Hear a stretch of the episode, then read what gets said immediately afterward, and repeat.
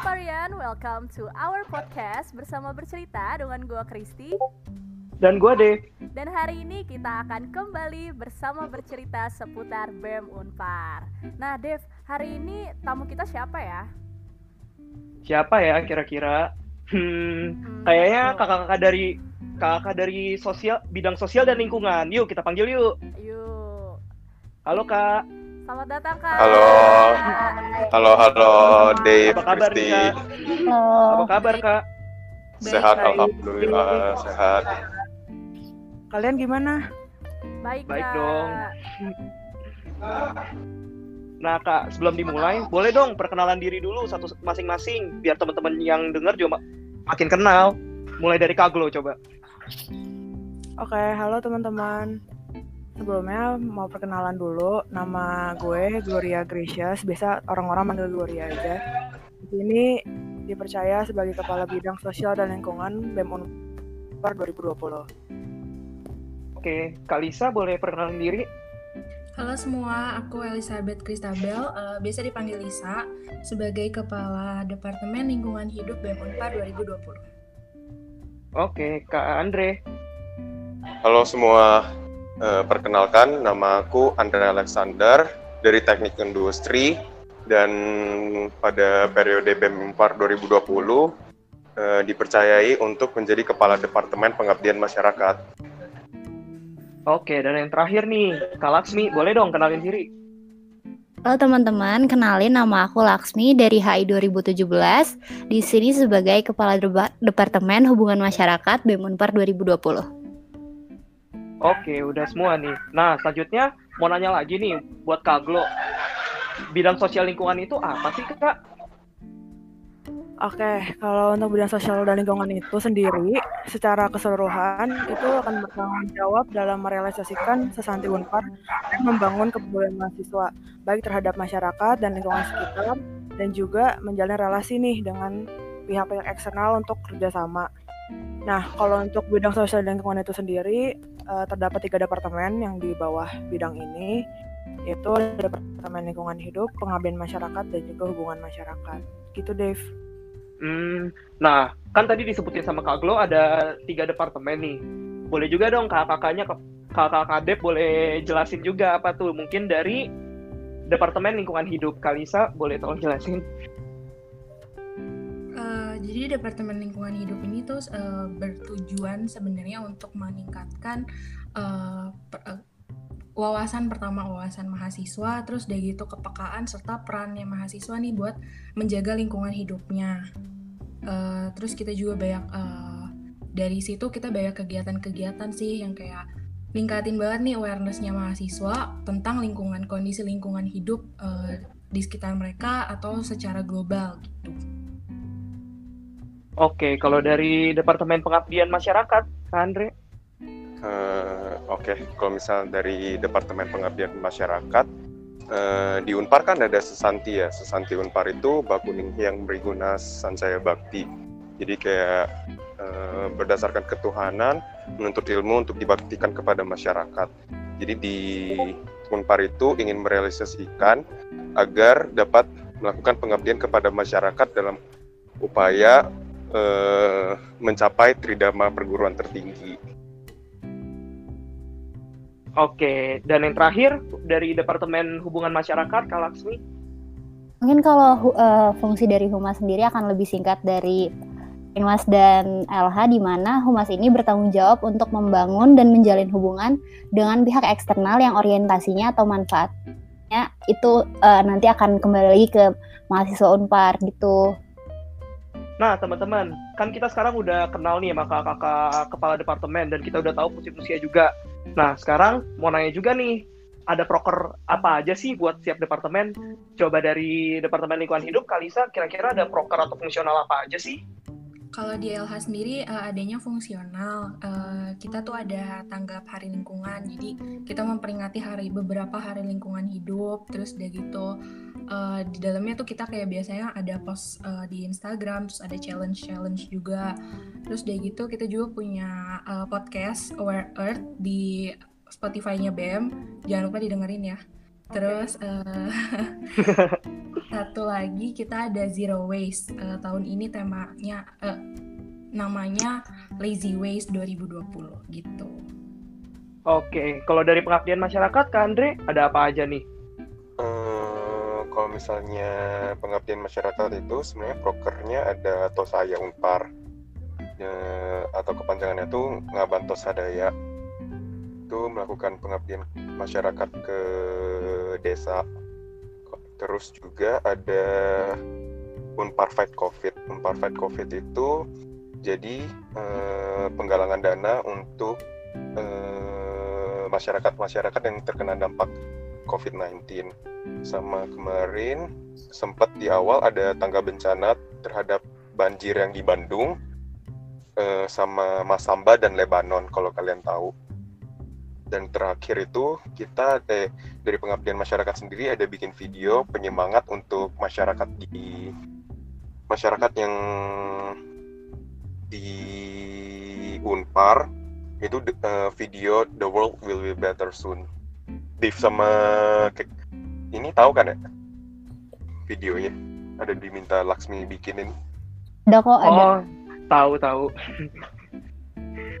Oke, kalau selanjutnya nih dari hubungan masyarakat, Kak Laksmi, ada apa aja nih? Uh, kalau untuk proker ada TED Action Part 2.0 yang akan berlangsung pada tanggal 31 Oktober ini. Terus kalau fungsionalnya itu kita ada uh, podcast yang kita lagi dengerin, kita lagi rekam sekarang dan Asik. akan kalian dengerin nanti. Terus kita ada juga uh, alumni sharing corner kemarin udah ada episode satunya. Terus kita juga uh, ada studi banding dan kita selama COVID ini banyak uh, melakukan kerjasama untuk bikin webinar kayak misalnya webinar bersama dengan uh, eh, PPI dan juga uh, webinar waktu itu sama Yakini. Uh, selain itu kita juga banyak kayak uh, sebelum COVID kita uh, bikin promo Unpar sama Nutrifood dan waktu itu juga promo Unpar dalam uh, bentuk bunga. Dan kita juga uh, bikin roadshow TikTok, roadshow uh, student catalyst. Itu tadi kan kita udah perkenalan ya kak mengenai tujuan dan fungsi-fungsi dari departemen uh, sosling sendiri. Sekarang aku mau bahas tentang kegiatan BEM Unpar dalam sosial lingkungan. Mungkin aku mau tanya kak Andre dulu kali ya. Contoh isu sosial yang terjadi dan sudah coba diatasi itu apa sih kak? Dan mungkin berhasil diatasinya dalam bentuk apa tuh kak? Uh, sebenarnya kalau misalnya untuk isu sosial yang dari Pengmas sendiri itu sebenarnya inginnya pengennya itu di sekitaran Unpar dulu. Jadi misalnya kalau misalnya ada isu yang ada di sekitaran Unpar, kita pengennya tanggap yang di sekitar Unpar dulu. Nah, ketika yang di sekitar Unpar itu udah bisa uh, bisa kita selesaikan, baru kita selesaikan permasalahan yang ada di uh, luar Unpar gitu. Misalnya yang kayak kemarin uh, Pengmas juga sempat ada pernah tanggap bencana yang bekerja sama dengan PM Unpar untuk membantu mendistribusikan bahan pokok yang dibutuh dibutuhin oleh masyarakat. Terus sempat juga eh, dari Pengmas mau kirim staf-staf Pengmas supaya bisa eh, memberi ini sih, memberi mental support kepada orang-orang yang terkena bencana gitu sih. Oke. Selanjutnya mungkin aku mau tanya dari Kalisa kalau lingkungan hidup yang kakak ambil tuh dari gimana dan dari mana gitu sih kak? Hmm, kalau selama ini sih uh, kita pertama uh, dari awal tuh berpatokan sama dari pemerintah. Kayak kita lihat pemerintah tuh punya programnya kayak gimana. Terus udah gitu uh, peringatan peringatan hari yang ada di Indonesia tuh apa yang pemerintah lakuin apa. Berangkat dari sana sih terus udah gitu uh, yang menjadi fokus utama itu uh, tentang uh, berkaitan yang berkaitan dengan uh, waste atau sisa. Sisanya tuh bisa misalkan kita ngasih uh, wawasan nih ke mahasiswa tentang penggunaan air yang secara berlebihan tuh nggak baik uh, karena mungkin masih banyak di uh, Indonesia uh, orang-orang yang kesulitan dapat air bersih misalkan. Atau uh, membuang makanan uh, waste uh, food waste itu membuat lingkungan juga rusak kayak gitu sih. Jadi lebih ke waste atau penggunaan penggunaan plastik itu nggak bagus yang kayak gitu-gitu. Uh, lebih banyak kayak memperingati hari pun kita uh, memperingati hari yang me, me, memberikan wawasan kepekaan buat mahasiswanya kalau uh, waste itu tuh nggak baik buat lingkungan gitu. Oke, thank you kak. Kembali lagi ke kak Andre. Nah, tadi kan kita udah dengar juga kak kalau proker kakak itu adalah pengabdian masyarakat. Nah, apa sih kak yang menjadi pertimbangan sebelum menjadi, menjalankan proker penga, pengmas ini kak? Apakah emang mungkin dari Sosling sendiri melihat bahwa jiwa-jiwa pengabdian masyarakat Unpar itu emang udah tinggi atau gimana tuh kak? Eh, kalau menurut aku eh, jiwa-jiwa pengabdian masyarakat di Unpar, menurut aku selama berkuliah di Unpar udah lumayan tinggi sih ya. Soalnya partisipannya di acara peng- pengabdian masyarakat sebelum-sebelumnya itu partisipannya juga lumayan tinggi. Eh, kalau misalnya dari aku sendiri itu mulai dari keresahan sih balik lagi, balik lagi. Kalau misalnya lu ada keresah, kita ada keresahan terhadap eh, keresahan terhadap masyarakat eh atau masyarakat ada keresahan terhadap isu yang ada di lingkungan mereka eh, bisa kita coba bantuin kayak misalnya sekarang kan lagi pandemi kan ya. Dan juga eh, selama pandemi ini banyak orang tua orang tua dari mahasiswa yang eh, mungkin ter- terdampak perekonomiannya. Nah dari sana itu eh, pengabdian masyarakat sempat ngadain eh, penggalangan dana. Jadi ada satu aca- eh, program di pengabdian masyarakat itu Unpar Fight COVID. Itu bekerja sama dengan PM Unpar dan alumni juga supaya bisa galang dana untuk disebarin untuk dibagi-bagi ke masyarakat yang terkena dampak itu sih Oke, Kak, tapi kalau boleh tahu Kak, tadi kan mungkin sempat mention juga sempat bantuin anak-anak Unpar tuh Kak. Nah, gimana sih Iya. cara Kakak taunya anak ini yang harus dibantu atau menentukan sasarannya tuh gimana ya Kak?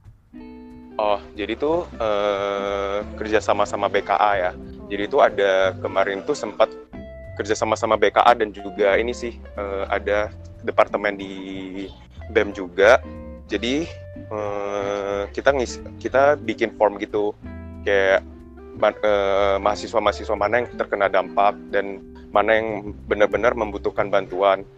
Terus tuh eh, dari BKA juga sempat ini hmm, minjamin laptop-laptop ke anak-anak yang membutuhkan laptop gitu. Jadi supaya mereka tetap bisa ngejalanin perkuliahan online seperti teman-teman mereka yang lain Oke, keren banget.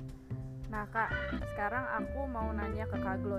Gimana sih Kak caranya meningkatkan awareness mahasiswa terhadap isu-isu sosial dan juga lebih tergerak buat mengabdikan diri kepada masyarakat? Oke, kalau untuk isu sosial itu sendiri, mungkin dari tadi program-program yang mungkin tadi Andre udah sempat cerita juga, itu sebenarnya salah satu bentuk kita juga sih buat ningkatin awareness.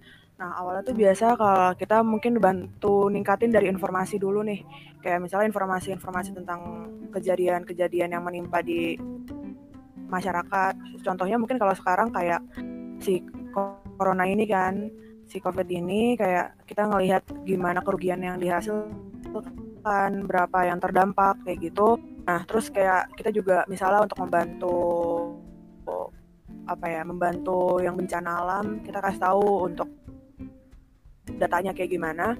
Nah ketika melihat itu mungkin kalau menurut gue sendiri sih itu tingkat awareness mahasiswa di situ akan mulai muncul perlahan-lahan. Kayak dia melihat apa yang terjadi di lingkungan sekitar mereka sehingga mereka bisa tahu nih oh ternyata di Indonesia sedang terjadi hal-hal seperti ini. Mungkin awalnya akan kayak gitu. Dan untuk membantu mungkin membantu mereka menjadi benar-benar tergerak aksi itu kita bisa menggunakan media sosial yang sering digunakan oleh mahasiswa juga.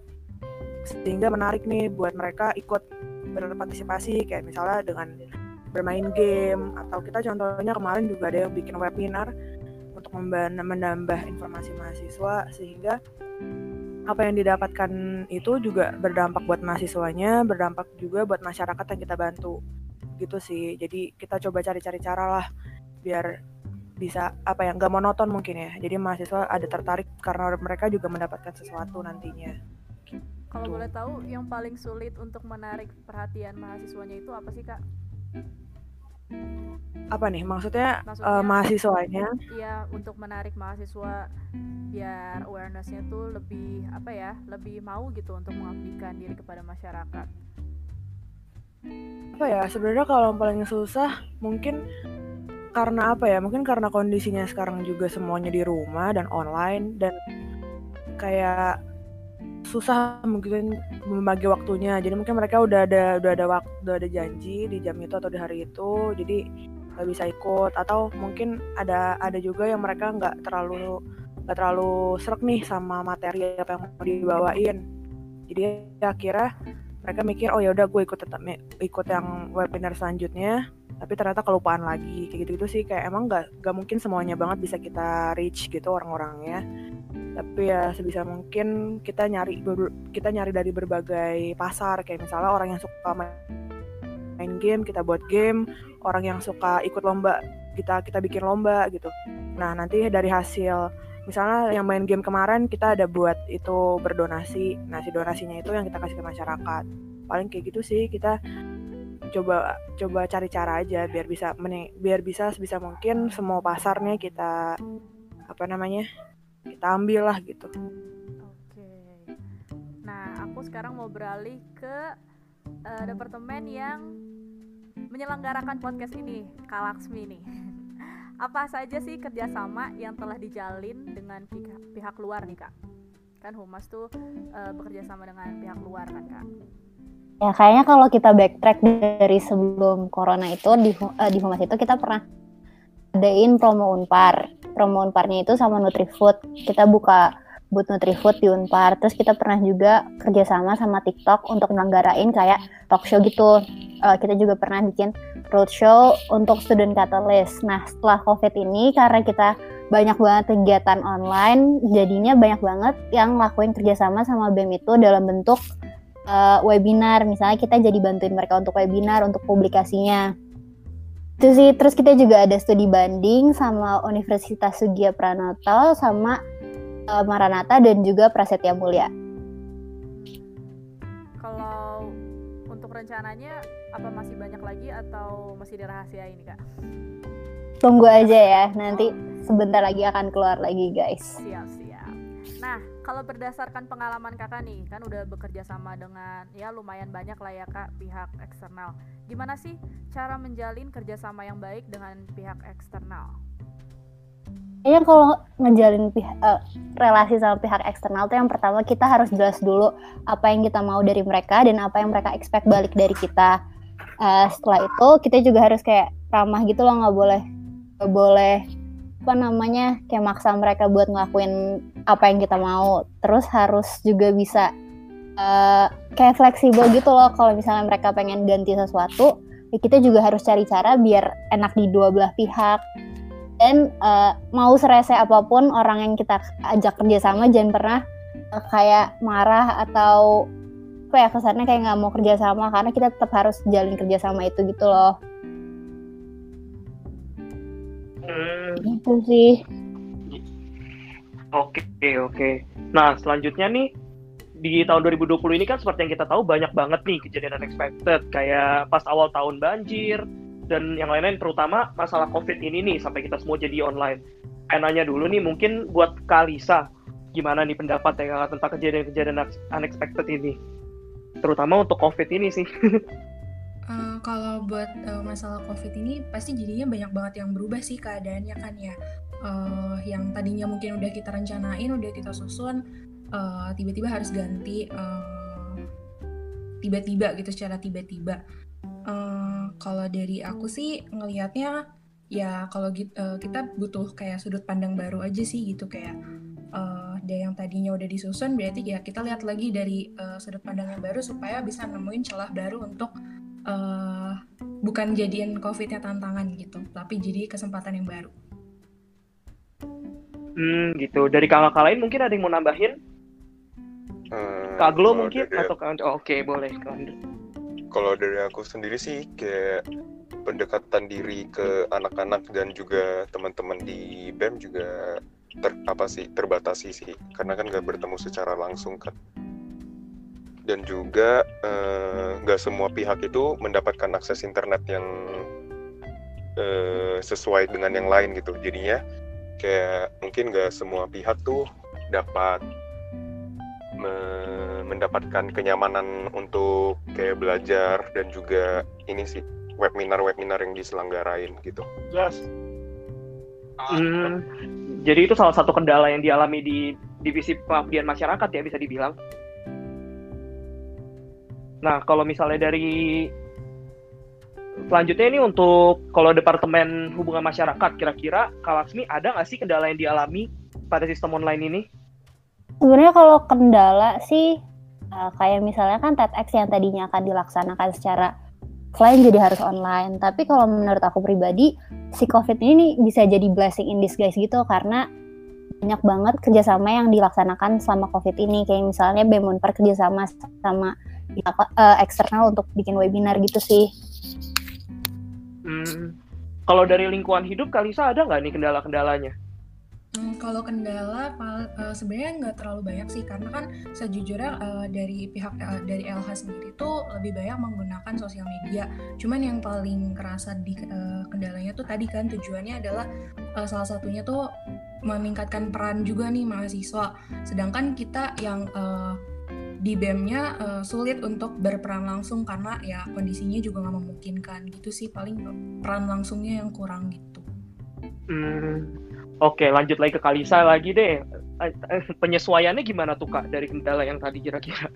Hmm, penyesuaiannya kalau uh, kalau kalau masalah peran ya kita ganti sih perannya uh, karena kan salah satu kalau dari uh, lingkungan hidup sendiri uh, peran mahasiswa tuh bisa kita kita ngelihatnya peran mahasiswa tuh bisa juga lewat misalkan dengan uh, dia menginfluence teman-temannya untuk sadar tentang kondisi lingkungannya jadi kayak lebih banyak menggunakan ya media balik lagi ke media sosial secara online gitu untuk uh, dari satu orang ke orang lain ke orang lain lagi untuk uh, membangun awareness terkait lingkungan hidupnya gitu sih. Hmm, Oke, okay. kalau dari pengabdian masyarakat, Kak Andre boleh diceritain penyesuaiannya di Kak sistem online ini? Uh, kalau misalnya dari pengabdian masyarakat sendiri sih perubahan platform sih yang digunakan. Biasanya kan pengmas terjun langsung tuh ke masyarakat. Tapi ini kali ini kita dipaksain untuk apa uh, secara online jadinya kayak toh saya sendiri pun um, bergeraknya itu jadinya webinar kayak untuk uh, pengedukasian terhadap masyarakat-masyarakat di Indonesia gitu sih. Hmm, Oke, okay. uh, kalau ada sempat juga sih kayak ada uh, kerjasama dengan PM Unpar dan juga apa pihak alumni gitu sih, Dev. Oh, oke, okay. thank you kak. Nah, kalau dari Kalansmi gimana nih penyesuaiannya? Kalau penyesuaiannya sama kayak yang lain sih kayak uh, harus transformasi ke online kayak yang aku tadi udah bilang misalnya TEDx harus tadinya offline tiba-tiba jadi online jangan lupa daftar ya guys yang denger tanggal 31 Oktober uh, terus kita kemarin juga sempat studi banding online sama Maranata itu sih sebenarnya kayak kita ganti platform aja dan mungkin harus juga menyesuaikan bentuk acaranya apa yang pasti kalau online gitu gitu. Oke, okay. ah tadi kan udah pada bahas proker nih. Kalau dari LH sendiri kira-kira nasib proker-proker di LH tuh gimana ya kak? Untuk online ini yang berubah gimana gitu dari sebelumnya mungkin? Atau emang tadi ya begitu? Boleh diceritain kak? Uh, kalau di LH sendiri bukan proker sih lebih ke fungsional ya. Kalau di uh, eh, LH tadinya sebenarnya pengennya uh, offline ya. Kalau nggak ada COVID ini kita pengennya adain uh, secara langsung gitu supaya mahasiswanya langsung terlibat supaya mereka juga bisa merasakan langsung gitu. Uh, cuma karena ya itu tadi sih balik lagi ke pergantian platform lagi uh, kita pakainya jadi di online terus deh gitu lebih banyak uh, perubahan rencana sih. Jadi kayak penyesuaian uh, kira-kira kalau di online lebih cocok yang kayak gimana gitu. Karena kan nggak bisa juga kita paksain yang tadinya udah kita pikirin nih udah pengennya kayak gini tapi maksain di onlinein kan juga uh, belum tentu sesuai gitu. Jadi uh, pergantian di acaranya juga gitu sih ah nah aku mau tanya juga nih ke Kaglo mungkin ya sebagai kepala bidang dari sosial lingkungan kak menurut kakak dari selama corona ini apa sih yang mungkin kakak udah punya rencana terhadap sosling tapi yang benar-benar gak bisa terrealisasikan karena si corona ini kak? Uh, ya sebenarnya pas tahu banget nih kayak harus benar-benar di rumah. Dan bahkan waktu mungkin pas pertama-pertama kali banget di rumah gitu masih ada tuh bayang-bayang oh bisa nih nanti kira perkiraan di akhir tahun atau enggak ya sekitar di Oktober gitu bisalah kita untuk secara langsung gitu kan. Cuma ya ternyata sambil lihat-lihat ternyata nggak nggak ada perkembangan yang menuju boleh gitu kan. Nah jadi sebenarnya paling kalau dari gue pribadi yang paling di yang paling disesali mungkin ya di itu sih di bagian dampak secara langsungnya mungkin. Kayak mungkin yang gue bisa gue juga bisa kasih contoh mungkin di pengabdian masyarakat kali ya. Kayak mungkin dari cerita ceritanya Andre tadi juga dari teman-teman lingkungan hidup dan teman-teman humas. Kayak mungkin harusnya mas kita bisa nih melakukan apa ya melakukan kegiatannya secara langsung. Jadi mahasiswa tuh dapat merasakan secara langsung lah. Kayak mereka bisa membantu orang dan kayak langsung lihat reaksi mereka secara langsung di sana kayak gimana. Itu sih paling yang paling apa ya yang paling benar-benar disesalin. Kenapa kenapa untuk kayak kejadian kayak gini.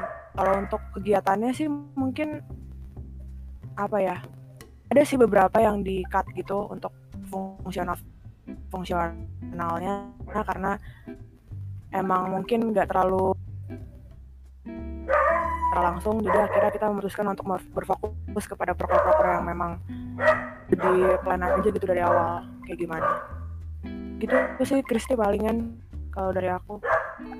Kalau dari Pengmas sendiri nih Kak Andre mungkin ada nggak sih uh, cita-cita atau aduh kenapa sih karena corona ini jadi kayak ada yang tidak terrealisasikan uh, kalau misalnya dari Pengmas sendiri kan sebenarnya gue sama Glo awalnya tuh mau bikin komunitas juga untuk pengabdian masyarakat. Tapi karena belum pernah ketemu sama uh, eh, PM Unpar yang himpunan-himpunan lain punya pengmas, jadinya juga belum sempat untuk dibahas untuk pembuatan komunitas itu. Terus uh, toh saya sendiri sih sebenarnya juga nggak berjalan sesuai dengan ekspektasi kan ya. Kan biasanya eh, kalau misalnya tahu saya ke desa membantu masyarakat. Tapi sekarang cirinya webinar memberikan edukasi. E, dampak dan subjeknya itu berbeda.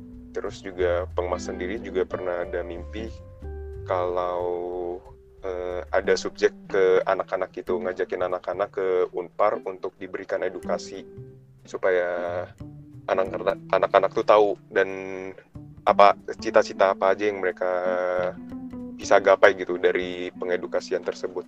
Kalau dari masih gitu sih. Wah ternyata banyak banget ya kak sebenarnya yang mungkin belum terrealisasikan tapi mungkin bisa dijadikan ide buat tahun depan juga sih kak kalau menurut aku karena itu bagus banget sih ide yang komunitas mengenai pengabdian masyarakat.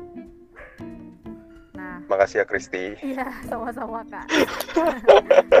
Kalau dari Kalisa sendiri nih Kak, apa sih yang paling mungkin gak bisa terrealisasikan karena COVID ini? Uh, kalau dari LH sendiri itu tadinya kita pengennya fungsionalnya itu kan uh, zero waste, uh, temanya zero waste. Nah, acara puncaknya LH tuh tadinya, tapi uh, ternyata nggak bisa terrealisasikan kan uh, bukan nggak bisa terrealisasikan sih. Uh, bisa direalisasikan tapi dalam bentuk yang lain jadi online.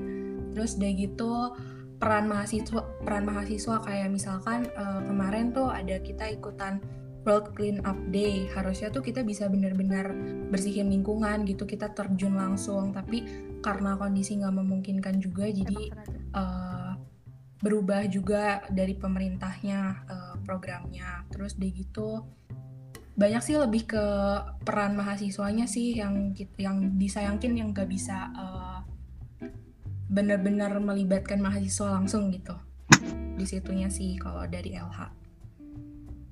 Oke, thank you Kak. Terakhir mungkin dari Kak Laksmi nih, apa Kak yang paling disesali dan mungkin belum bisa terrealisasikan di COVID ini Kak? Ya kalau yang disesali nggak ada, tapi kalau yang di ditangisi banyak kali ya. Waduh, apa tuh Kak? Misalnya gini, kayak misalnya uh, TEDx tahun ini sedikit spoiler, tadinya kita itu mau ngadain di suatu tempat keren gitu ya, terus kayak udah kebayang uh, misalnya pengisi acaranya apa-apanya, tapi karena harus menyesuaikan dengan keadaan kita jadiin online, tapi nggak apa-apa karena acaranya bakal tetap keren. Jangan lupa ya guys, maaf promosi lagi. Uh, terus tadinya harusnya kita ngelakuin studi banding keluar gitu ya kayak mungkin sekalian jalan-jalan dikit kali ya. Tapi karena lagi-lagi covid kita jadi ngelakuinnya cuma secara online. Terus uh, selanjutnya kita tadinya mau bikin kayak promo unparnya banyak tapi uh, melihat dengan keadaan sekarang mahasiswa juga nggak ada yang di Bandung kan kita juga bingung mau promo apa makanya cuma dikit yang kita lakuin gitu loh Wah, udah nggak kerasa nih. Tadi kita udah berbincang-bincang uh, tentang Sosling sendiri dan tentang apa aja sih yang dilakukan selama COVID ini. Nah, mungkin aku mau tanya Kak Glo, gimana sih Kak caranya mempertahankan eksistensi Unpar kepada eksternal, terutama kan sekarang lagi COVID nih Kak. Gimana tuh Kak? Aduh, eksistensi ya. Uh, ya. Mungkin yang tadi Laksmi udah banyak kasih tahu yang soal mungkin apa yang dilakuin. Sebenarnya untuk keadaan kayak gini lebih sangat memungkinkan untuk mengadakan kerjasama ya. Ya untuk kolaborasi kolaborasi kayak gitu. Itu justru menurut uh, kita sih kayak jadi hal yang terpenting untuk dilakukan di tahun ini. Karena ya dengan adanya kerjasama dengan adanya kolaborasi itu jadi bisa makin memperluas juga apa yang dilakukan sama BEM dan apa mereka lakukan. Jadi orang-orang semakin tahu nih kehadiran kita dan uh, kegiatan-kegiatan yang udah kita lakuin. Kayak gitu. Jadi kayak kita terbuka lebih terbuka juga sih kayak untuk partner-partner kita menutup kemungkinan untuk menjalin kerjasama gitu. Itu sih palingan Kristi. Oke kak. Yang pasti covid ini bisa menjadi pelajaran yang bagus banget ya terutama buat sosling karena hmm. bukan hal yang mudah buat mempertahankan eksistensi Unpar dalam keadaan online ini ya kak ya. Yeah. Betul. Oke. Okay. Betul banget. Iya kak. Nah terakhir banget nih aku pengen juga dengar kesan atau pesan dari kakak-kakak semua untuk mahasiswa Unpar nih yang ada di rumah tentang apa pun gak apa-apa mungkin bisa mulai dari Kak Andri. Uh, kalau kesan pesan Eh, gue sih mau nitip BEM untuk seterus-terusnya ya biar uh, jadi um, titip BEM dan seluruh isinya supaya mahasiswa-mahasiswa masih bisa bermimpi di mewujudkan mimpi-mimpinya di BEM gitu. Dan juga untuk mahasiswa-mahasiswa yang masih belajar online tetap semangat dan supaya bisa cepat beradaptasi terhadap peronlinean ini sih sedih ya kayak ya, titip Bandungbar tapi emang udah nggak kerasa emang udah kita di menuju akhir periode sih ya. Dan ntar lagi ya sedih banget. Iya sedih ya kayak lo. Ya ampun. Selanjutnya dari Kalisa gimana kak kesan dan pesannya? Uh, tetap semangat buat temen-temen uh, kita kuliah online ya kita selesain bareng-bareng. Terus uh, tetap uh, jaga kesehatan terus jangan lupa juga tetap uh, peduliin tetap sama lingkungan sama uh, sosial berarti sama sesama manusianya uh, buat jaga buat bumi lebih baik. Itu aja. Siap. Dari Kalaksmi Duh sedih banget ya. Kayak di radio titip salam. Iya. apa ya? Mungkin kayak tadi aku udah bilang sih kayak uh, mungkin kita bisa lihat COVID ini dari kayak dua sides gitu loh. Emang ada negatifnya, tapi kita harus lihat positifnya juga. Uh, kayak kita harus tetap semangat, harus tetap uh, beraktivitas seperti biasa, meskipun mungkin platformnya berbeda. Terus mungkin uh, ini kayak titip salam ya jadinya. mungkin untuk staff-staff BEM, terutama untuk staff-staff humas, tetap semangat karena sebentar lagi kita akan selesai, jadi harus terus uh, fire gitu, gitu sih. Thank you kak. Terakhir dari ibu sosial lingkungan kita, Kak Glo, gimana kak? Aduh, gue denger, gue denger omongan dari anak-anak sosling kayak, kayak sedih banget ya. Kayak udah mau terakhir juga ternyata nggak kerasa. Uh, paling kesan pesannya benar sih kata yang tadi dari bilang, pokoknya tetap harus uh, bisa beradaptasi dengan segala apa yang terjadi juga karena emang kuncinya harus bisa berinovasi lebih lagi sih untuk bisa tahu nih apa sih yang bisa dilakuin dan apa yang bisa masih bisa berdampak untuk orang-orang banyak. Dan jangan jadiin dan jangan jadiin ini sebagai suatu membuat kalian jadi stop berkarya gitu sih. Kayak kalau menurut kalau menurut gue sih justru dengan keadaan kayak gini kalian jadi semakin banyak lebih lagi ekspor hal-hal baru. Kayak contohnya juga gue sebenarnya bisa menjalankan hal lain juga bisa belajar-belajar lebih banyak lagi dari kejadian ini kan. Jadi jangan jangan menganggap ini menjadi hal yang negatif. Tetap semangat tetap mau untuk berkembang lebih lagi. Dan semoga dan kita sama-sama berdoa supaya keadaan ini bisa cepat pulih dan kita bisa kuliah lagi secara langsung di Unpar. Semangat guys! Semangat. Lo lagi belajar bahasa Prancis guys. Blow in Paris. Itu kan tuh. Keren keren emang harus tetap produktif ya kak meskipun betul, di selama betul. covid ini. Nah sebelumnya thank you banget buat kakak-kakak dari sosial lingkungan udah mau menyempatkan waktunya untuk berbagi bersama di bersama bercerita. Thank you ya kak Thank you. Ya, sama-sama ya. Thank you, thank you. Thank you juga, ya, Kak. Kristi Dave. Semangat. Iya. Siapa Makasih, tahu ada yang mau ikut BEM lagi semester depan. Semangat. Waduh. Siapa tahu ya ini pendengarnya ada yang mau. Amin. Oke, Ya, Amin. amin oke. Eh, tetap semangat terus buat kalian para unparian dan gak kerasa kita udah banyak berbincang hari ini. Eh, semoga kalian se- tetap sehat, tetap semangat. Gua Kristi. Dan gue Dave. Sampai jumpa minggu depan. Dah. Bye-bye.